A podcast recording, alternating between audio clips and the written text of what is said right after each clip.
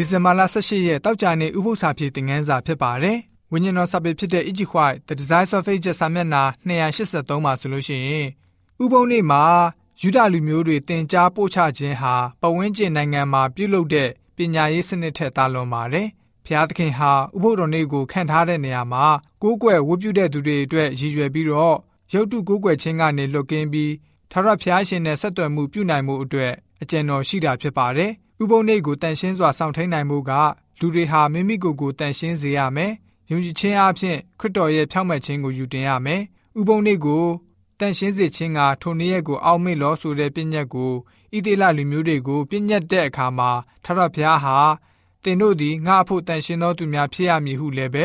တပါးတည်းပြည့်ညက်ထားတော်မူခဲ့တာတွေ့ရပါတယ်။ဥပုံနေ့ဟာ ဣတိလလူမျိုးတွေကိုဖျားသခင်ကိုကိုးကွယ်တဲ့သူတွေလို့ခွဲခြားသိမြင်စေတဲ့နမိတ်လက္ခဏာတစ်ပါးဖြစ်ပါတယ်ဆိုပြီးတော့ဝိညာဉ်တော်စာပေကဖော်ပြလိုထားပါတယ်။ဥပုံနေ့ဟာသခင်ခရစ်တော်ကနေကျွန်တော်တို့ကိုတန်ရှင်းစေဖို့တကူလက္ခဏာဖြစ်ပါတယ်။တန်ရှင်းစေနိုင်ဖို့ဥပုံနေ့ကိုလူတိုင်းအတွက်ခရစ်တော်အားဖြင့်ပေးသနာတော်မူခဲ့ပြီးဖြစ်ပါတယ်။ထာဝရဘုရားရှင်ရဲ့